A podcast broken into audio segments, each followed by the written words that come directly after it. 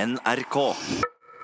Du, jeg har sett kolossalt mye friidrett eh, de siste ukene. Det er det mange som har gjort. Ja, eh, først så var det jo friidretts-EM. Det var jo kjekt, eh, med alle de fra Sandnes som sprang så fort.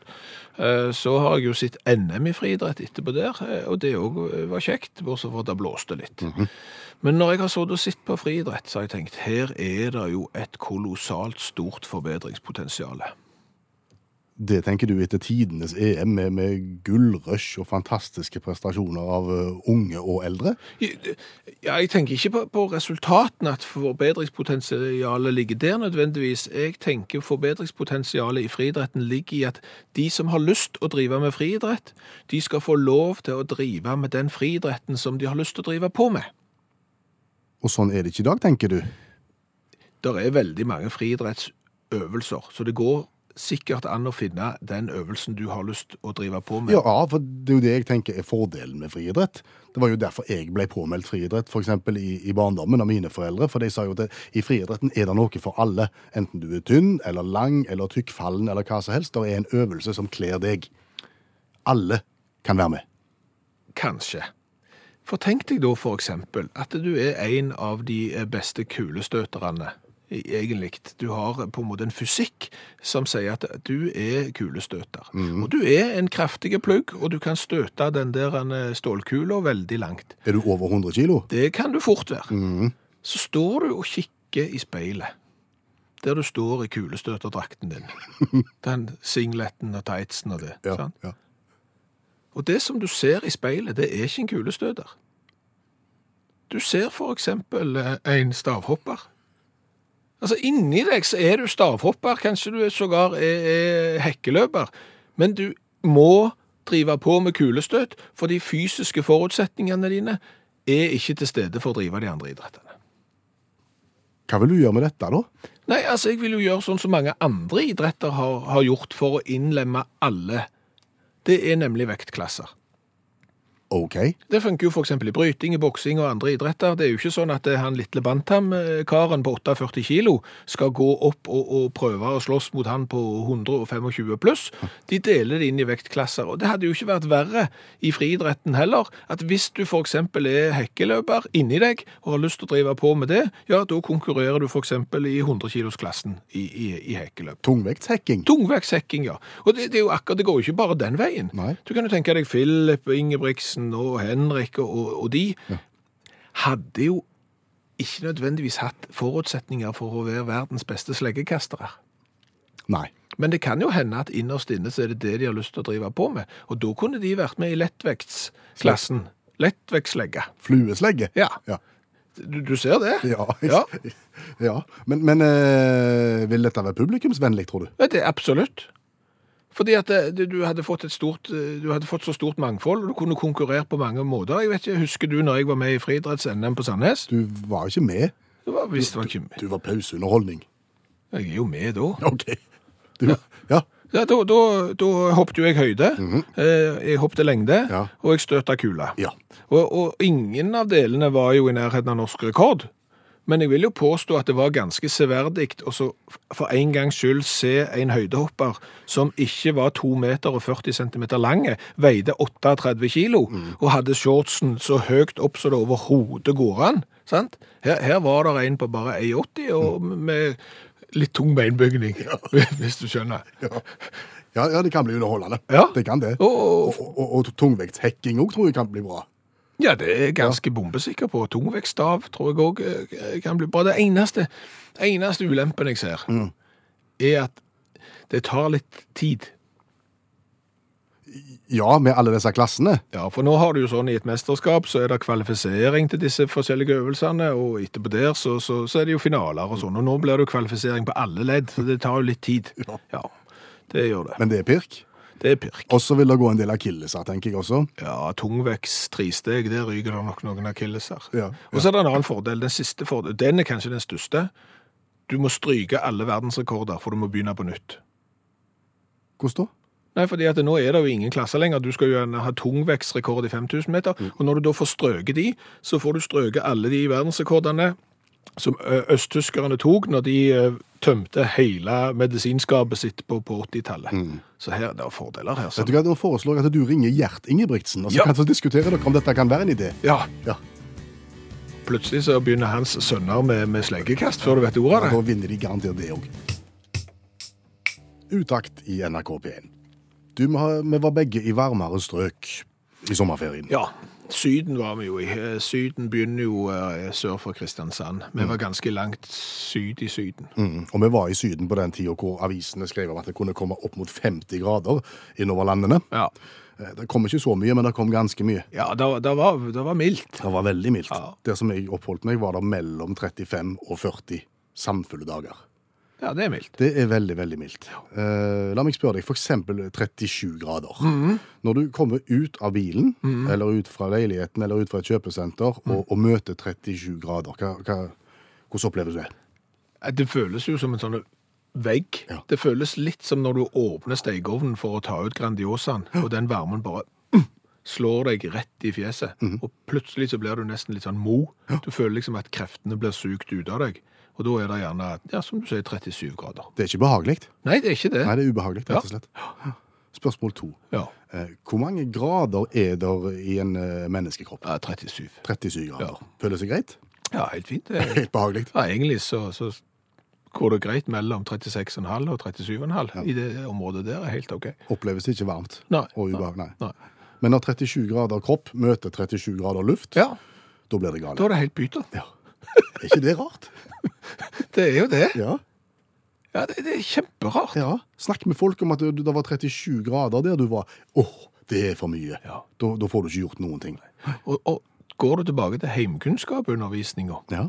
da du skulle lære å lage rundstykker og boller og den slags som skulle sette gjærdeig, Mhm. da var det jo å finne fram gjær, så skulle du varme opp dette smelta smør og melk og litt grann av vann, eller hva det var for noe, og Mhm. så skulle du blande ut gjæren i det. Eh, Da skulle jo gjæren være samme temperatur som kroppen, Ja. og du skulle ta bitte litt av den væsken Ja. eh, bort på, på armen eller albuen eller hvor det var, og når du ikke følte noe, Aha. når det ikke var kaldt og ikke varmt, da var det 37 grader. Da var det kroppstemperert. Ja. Passe. Ja. Men eh, 37 grader i Syden Helt sinnssykt. orker det ikke. Nei, jeg, jeg skjønner det, der, der er nok noe, der der er nok en eh, forklaring, og vi kommer nok sikkert snart til å få høre fra folk som har greie på dette her, at vi er noviser, men, men det er jo litt det samme at 24 grader i lufta, da går du i bare overkropp og shorts, synes det er herlig og behagelig. Når jeg skal bade i 24 grader, da synes jeg det er på grensen til uforskammet kaldt. Ja, særlig når vannet begynner å trekke opp i den tørre shortsen. Ja, du, du kjenner først, så tar du de 30 første centimeterne, så må du akklimatisere beina, og så begynner du å vasse rolig og forsiktig ut. Mm. Så treffer vannet nede kanten av badeshortsen, Mm. som jo har en absorberende effekt, og som trekker vannet oppover selv om du ikke beveger deg lenger utover i vannet. Mm. Og akkurat på det punktet der, sånn midt på shortsen, Ja. da føles det mye kaldere enn 24 grader i lufta. Det er rart. Men eh, du har jo erfaring med, med sånn utendørs boblebad. Du har jo sånn med lys i. Ja! Det er ikke så mange som har det. Nei, lenger, jeg bruker det ikke så mye, for det lekker litt. men, mm, men det var tøft når du fikk det. Ja, veldig tøft. Ja, og, og det kan holde 37, har du sagt. Ja. Hvordan oppleves det å bade i 37? Det er midt i blinken. Ja, det er ingen uting. Nei? Nei, altså fra 34-35 og opp til det er helt midt i blinken. Du skulle tro at du kom opp som en eh, kokt ørret, men eh, det, er, det er bare stas det. Så det liker kroppen. Det liker kroppen, og spesielt hvis du kan kombinere det da med blinkende rød og blå lys, Ja. og eventuelt litt bobler. Ja. Da er kroppen eh, med på laget. Mm. Men 37 grader i Syden, i lufta, Åh, det er helt umulig. Nei, det går ikke. Nei. Skal aldri mer der til. Aldri mer. Det er mye vi ikke forstår, Ja. men jeg tror det er folk som forstår det. Du, det er jo sånn at Når vi står fast, når det er ting vi ikke forstår, så ringer vi gjerne skoleverket. Ja, da ringer vi til Utaks eget orakel, allmennlærer med to vekttall i musikk, Olav Hove, for han kan alt det som vi ikke kan. Og Han har vi ringt hver eneste mandag nå i årevis. Ja, Men i går så var han ikke her. nei, for han er her nå. Ja. God dag. Og det er vel timeplantekniske ting som er årsaken til det. Du har fått en ny timeplan. Ja, det er ikke noe dramatikk i det. Det er rett og slett timeplantekniske problemstillinger som gjør at jeg må jobbe mandager istedenfor eh, Istedenfor å være her. Ja. ja. Bra sommer. Ja da, det vil jeg si. Fjelltur. Fjelltur, ja. Og i den forbindelse Så tenkte jeg at jeg kunne prøve meg. Jeg føler det er noe hull i folkeopplysningen i det landet her. Fordi at eh, når jeg gikk opp på fjellet der, i flott vær så hørte jeg tordenskrallen. Og så vet jeg jo fra barneskolen av at eh, når det er torden, så skal du komme deg ned i laglandet og sant, ikke være høyeste punktet der du er. Og jeg er jo stort sett det høyeste punktet der jeg er. Men du vet du kan slike ting. sant? Men så, så ble det ikke lyn og torden. Og når det gikk over Jeg gikk over, men det ble hagl. Å, Og hvis du er m- mann 45 eh, iført singlet, shorts og rumpetasker og er særdeles dårlig dekt på toppen, så er haglbyga en utfordring i åpen lende.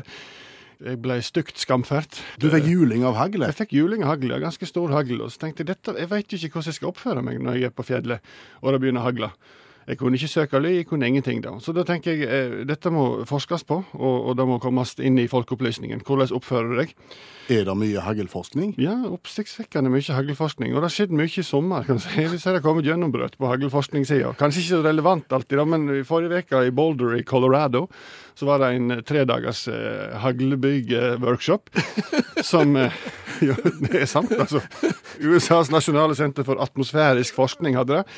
Eh, em, der var det ja, litt kurs og paneldebatter rundt hagl, da. For det, er- og, og en utstilling av de største haglene i verden, i plastikk, vel å merke. Eh, For de fant jo et hagl på 950 gram i Cordoba i Argentina i sommer. Det var utstilt, eh, framstilt i plastikk.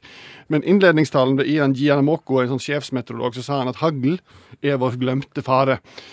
Men for å illustrere hvor alvorlig dette her med hagl er, så mens denne her konferansen pågikk, så var det ei haglbyge i Colorado Springs som lettere skada 14 personer og tok livet av ei moskusand.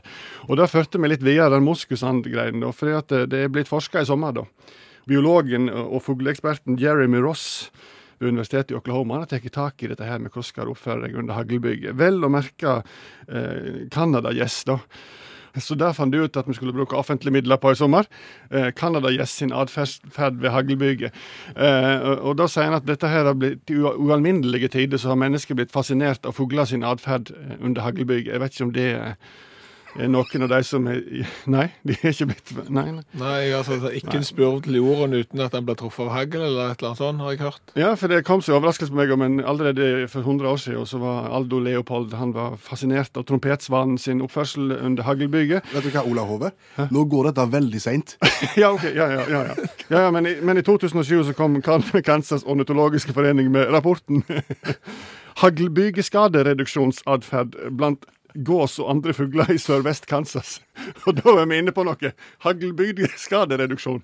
For det viser seg det at, eh, at når det begynner å hagle, og en canadagås flyr over marken, så lander hun umiddelbart og stikker nebbet rett i værs.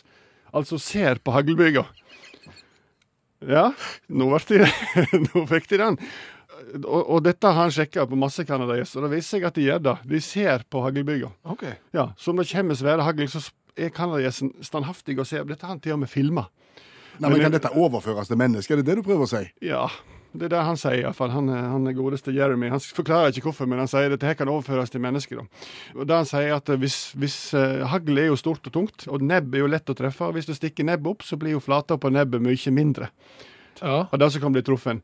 Samme så blir vinkelen på vingene sånn at de knekker ikke så lett, for da blir det mer sånn at det, det liksom sklir av. da. Ja, men Jeg har ikke nebb, og jeg har ikke vinger. Nei, det er jo problemet. da, sant? Og det er jo ikke, ja, forskning er jo ikke, er jo ikke alltid Det er ikke alltid fullstendig, da. Det er ikke alltid relevant heller, faktisk. Nei, men jeg skal iallfall gjøre det. Eh, jeg skal stikke nebbet til værs neste gang det kommer i haglbyga. jeg- for jeg- Det, det skal jeg gjøre. Og, men, og Jeremy Ross sier jeg skal hjelpe han litt.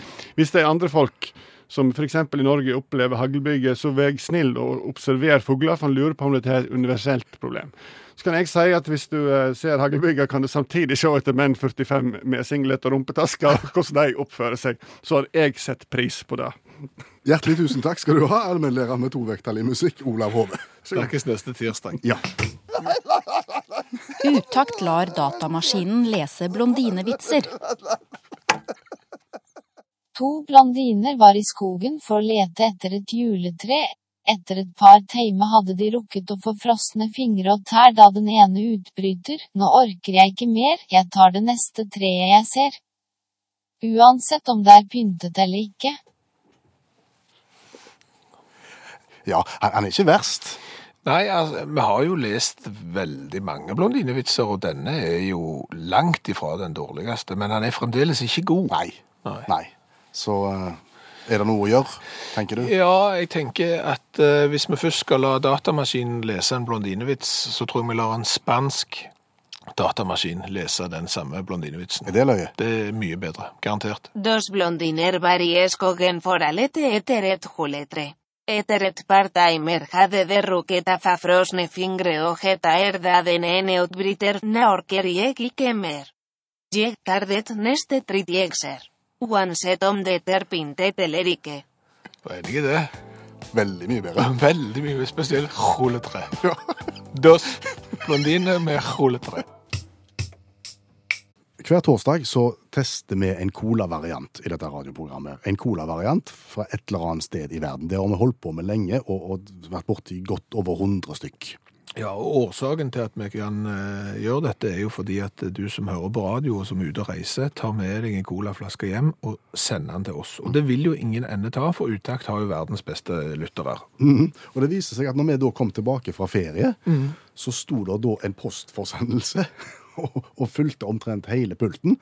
Colaflasker som har kommet i løpet av ferien. Og når vi da skulle få lagt disse flaskene inn i kjøleskapet, så er det fullt. Ja, for når du får flere colaflasker per uke enn det du klarer å teste, så hoper det seg opp. Det er ren eh, matematikk som til og med vi forstår. Ja. Så, så her måtte vi gjøre et eller annet, for det var ikke plass. Så i stedet for å ta ei flaske hver torsdag eh, utover, så tenkte vi vi må ta mange på en gang. Mm. Vi må få unna en del. Ja, vi tok en samletest. Vi testa 16 colaer på en gang. Og så filma vi hele seansen, for vi tenkte det kunne jo være en god idé å dokumentere det. Samtidig så, så kunne vi legge det ut på Facebook-gruppa til Utakt, og så kunne de som var interesserte, se den filmen. Den ligger ute allerede nå. Ja! Filmen om der vi tester 16-17 colaflasker på rappen. Ja, det er bare en liten hake. En bitte liten hake. Eller to. Ja. Vi har jo vært på kurs for å liksom lære å lage sånne videoer som skal ut på internettet på sosiale medier. ja. Eh, Hvor lange har vi lært at en sånn en video på, på Facebook skal være? Opp til ett minutt. Opp til ett minutt, ja. Etter ett minutt så daler interessen, og da er det slutt. Da orker ikke folk mer. Nei. Eh, ko- Colatest-videoen vår, hvor lang er den? Den er drøyt 20 minutter. Ja, han er 21,5. Mm. Det er mye, det.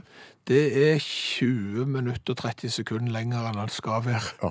Det er veldig lang eh, Facebook-video. Ja. Det er det. Eh, En annen ting vi har lært på dette kurset, det er jo at eh, alle videoer på, på internett skal jo tekstes. Mhm. Sånn at du kan eh, se videoen uten å høre lyd, f.eks. på bussen eller eh, hvor som helst. Ja. Det ble veldig mye å tekste her. Så det Ja, gjorde vi ikke. 21,5 minutt med snakk, det ble kolossalt mye, så det må vi bare ærlig innrømme, det, det orkte vi ikke, så den er uteksta òg. Så den videoen har da alle forutsetninger for å mislykkes. Yes. Og den ble lagt ut i går kveld, og er sett av veldig, veldig mange. Ja, Så hva er det som skjer? Hva er det som skjer? Altså, dette er jo imot alle regler. Mhm. Ja. Og, og for å si det sånn, hvis du skulle finne på å så se den videoen, Mhm. så er det bare å beklage. Vi har gjort så godt vi kan, og, og det er 21 minutter og 30 sekunder av livet ditt som du aldri kommer til å få igjen. Mhm. Og det tar vi sjølkritikk på. Absolutt. Ja. Men den ligger nå der, på, på Facebook-gruppa til Utakt. Så hvis du ser syn på det, så, så må du vel prøve. Ja, du må vel prøve å se hvor langt du kommer, for kanskje er du interessert i hvordan smaker cola fra Romania, Polen, eh, Tyskland og Bulgaria. Svaret ligger der. Og nå skal snart vi synge på norsk, men eh, ikke bekymre deg, det tar bare 28 sekunder. Jeg hadde mange varianter, mange alternativer når jeg skulle velge hva jeg skulle skrive revyvise om i dag. Ja, kommentere nyhetsbildet ved hjelp av en eh, sang. Eh, Hva, hva du har sett på? Jeg, jeg har lyst til å skrive om sulten tyv som stjal nudler for én million kroner. Hæ?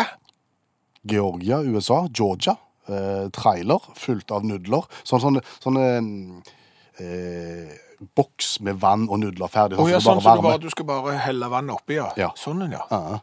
En 53 fot trailer. Det er ganske mye, er det ikke? Jo, det, hvis du sammenligner det med båt, så er det stort. Japs. Den ble stjålen med av nubbel og bitt, nuddel og bitt. og, og ingen har sett den siden. Nei. Så eh, Nei, så, så jeg tenkte å skrive om den, men gjorde ikke det. For jeg, jeg gikk videre i, i nyhetsstrømmen og fant dame med hale måtte til legen for å klippe den av. Oi. Den er, den er faktisk sann. Ja. Henta fra The Mirror. Eh, Taylor, 22 år, har i, i flere omganger slitt med en utvekst som vokser ut bak, Ja. midt på, Ja. som en bitte liten halestuss, rett og slett. Ja. Eh, Har vært og, og forsøkt å fjerne den flere ganger, men den bare vokser ut igjen. Å ja, jeg har hatt sånn, eh, sånn tvillingutvekst bak der, jeg. Det er særdeles Har ubehagelig. ikke lyst til å høre. Nei, nei, ikke jeg heller. Nei. Så jeg- men det var ugreit. Ja, eh, så jeg tenkte å skrive om halen og bladde meg litt lenger ned i artikkelen, men da kom det bilder fra operasjonen, og da orket jeg ikke mer. Nei, det skjønner jeg godt. Men du må jo synge om noe, da. Ja, så jeg har sunget, og vil snart synge om Kråke, som fikk jobb som renovasjonsarbeider Ok, hvor er vi henne da i med, verden? i Frankrike, i en park. Eh, Kråker som da er opplært til å plukke sneiper og boss i parken. Og Har de vært på sneipeplukkekurs? Yes, og de gjør en kjempejobb. Å ja. Fordi at de, de plukker, og så, så drar de til en slags base, og så eh, slipper de sneipen eller bosset oppi den basen, og når de gjør det, så får de en belønning i for- form av litt kråkemat. Å ja, sånn ja, så smart. Bonjour, ça va, vous savez bien. Det, ja. mhm. Mm, Forskere sier nemlig at, at kråker er noe av det smarteste som finnes, faktisk. De er i- i- i stand til å, å løse komplekse problemstillinger.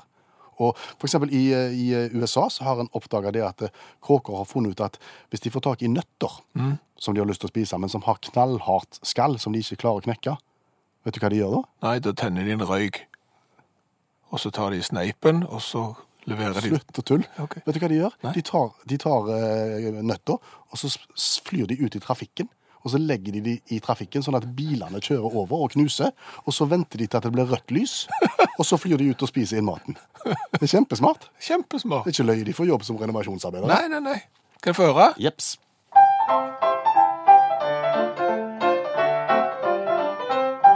Den er slett ingen gjøk, dette her er ikke spøk. Ingen dompap og heller ikke måke. Nei, i Frankrike tenker de dette smaker fugl. De har trent opp en renovasjonskråke. Som flyr rundt etter boss og plukker sneiper. Som en flyvende avfallsmine sveiper. Den får lønn for sitt strev, og når den tar opp det du hev, kan den kalles en ekte ugagnskråke. Hva har vi lært i dag? Åh, vi har lært ganske mye. Eh, Et uttaksprogram kan jo være litt sånn smertefullt av og til å lede, fordi at eh, du lærer jo hvor lite du egentlig vet. Du hiver ut en hypotese basert på eh, kunnskap du f.eks. har lest i Donald eller andre vitenskapelige magasiner, og så viser det seg jo at de ikke holder stikk. Nei. Men det er derfor en kan avslutte programmet med å si hva har vi lært i dag? Fordi at eh, vi syns jo det er litt rart at eh, når det er 37 grader i lufta i Syden, så er det som en vegg av varme du går ut i, når kroppen jo strengt tatt er 37 grader, den òg. Ja. Så har vi jo lært det i løpet av programmet på meldingen var flott, at overfladetemperaturen til et menneske er jo ca. 28 grader. ja, så da blir 37 i luft, det blir jo da 9 grader varmere. Ja. Og da oppleves det varmt, ja. Ja, og ifølge Kjell Jostein så er kroppen i såkalt termisk likevekt ved ca. 34 grader, og da forutsetter du at du ligger helt dønn i ro og ikke utfører noe arbeid. Da vil ikke kroppen bruke energi på hverken å varme seg sjøl opp eller å kjøle seg sjøl ned. Så da blir 37 grader varmt uansett. Og da lærer du jo igjen at det du trodde du hadde lært på heimkunnskap-undervisninga i 7. klasse, det blir jo òg litt feil. Ja, når du skulle varme opp eh, det som skulle bli til jæren. Ja, Ja. For da skulle du kjenne og- når, når, å legge en liten dråpe for eksempel på håndbaken og si at når du ikke kjenner noe, da er han passe. Mhm. Ja. Og da trodde jo vi at han var 37. Ja. Er ikke det sant? han er ikke det, ser du. Fordi at hvis du skal bake, eh, så bør ikke fersk gjær eh, overstige 30 grader. Mhm. Eh, Driver du med tørrgjær, så kan du ta det opp til 40 grader, men, men fersk gjær altså ikke overstige 30. Og hvis overfladetemperaturen vår er 28, Da stemmer jo det. ja, da stemmer jo det. Ja, ja, ja. Og vips, så lærte vi en hel haug.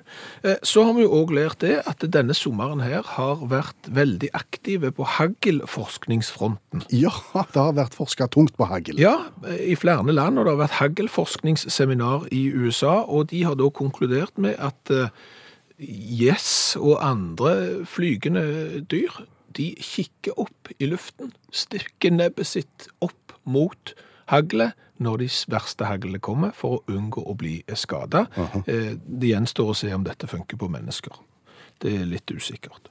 Eh, Vektklasser i idrett vil folk ha, det har vi lært. Du har foreslått det innenfor friidretten. Ja, og folk vil ha det i egentlig alle idretter. ja. Tung- og lektvekstklasser og alt vil de ha. Og så har jeg jo lært det at eh, 21,5 minutt lang Facebook-video, eh, det funker faktisk av og til. Eh, Fordi at vi har jo lagt en, en, en video i, i uttaktgruppa vår eh, som er 20 minutter lenger enn det anbefalte. Ja. Det er en video som omhandler smaking av cola fra, fra hele verden. Ja.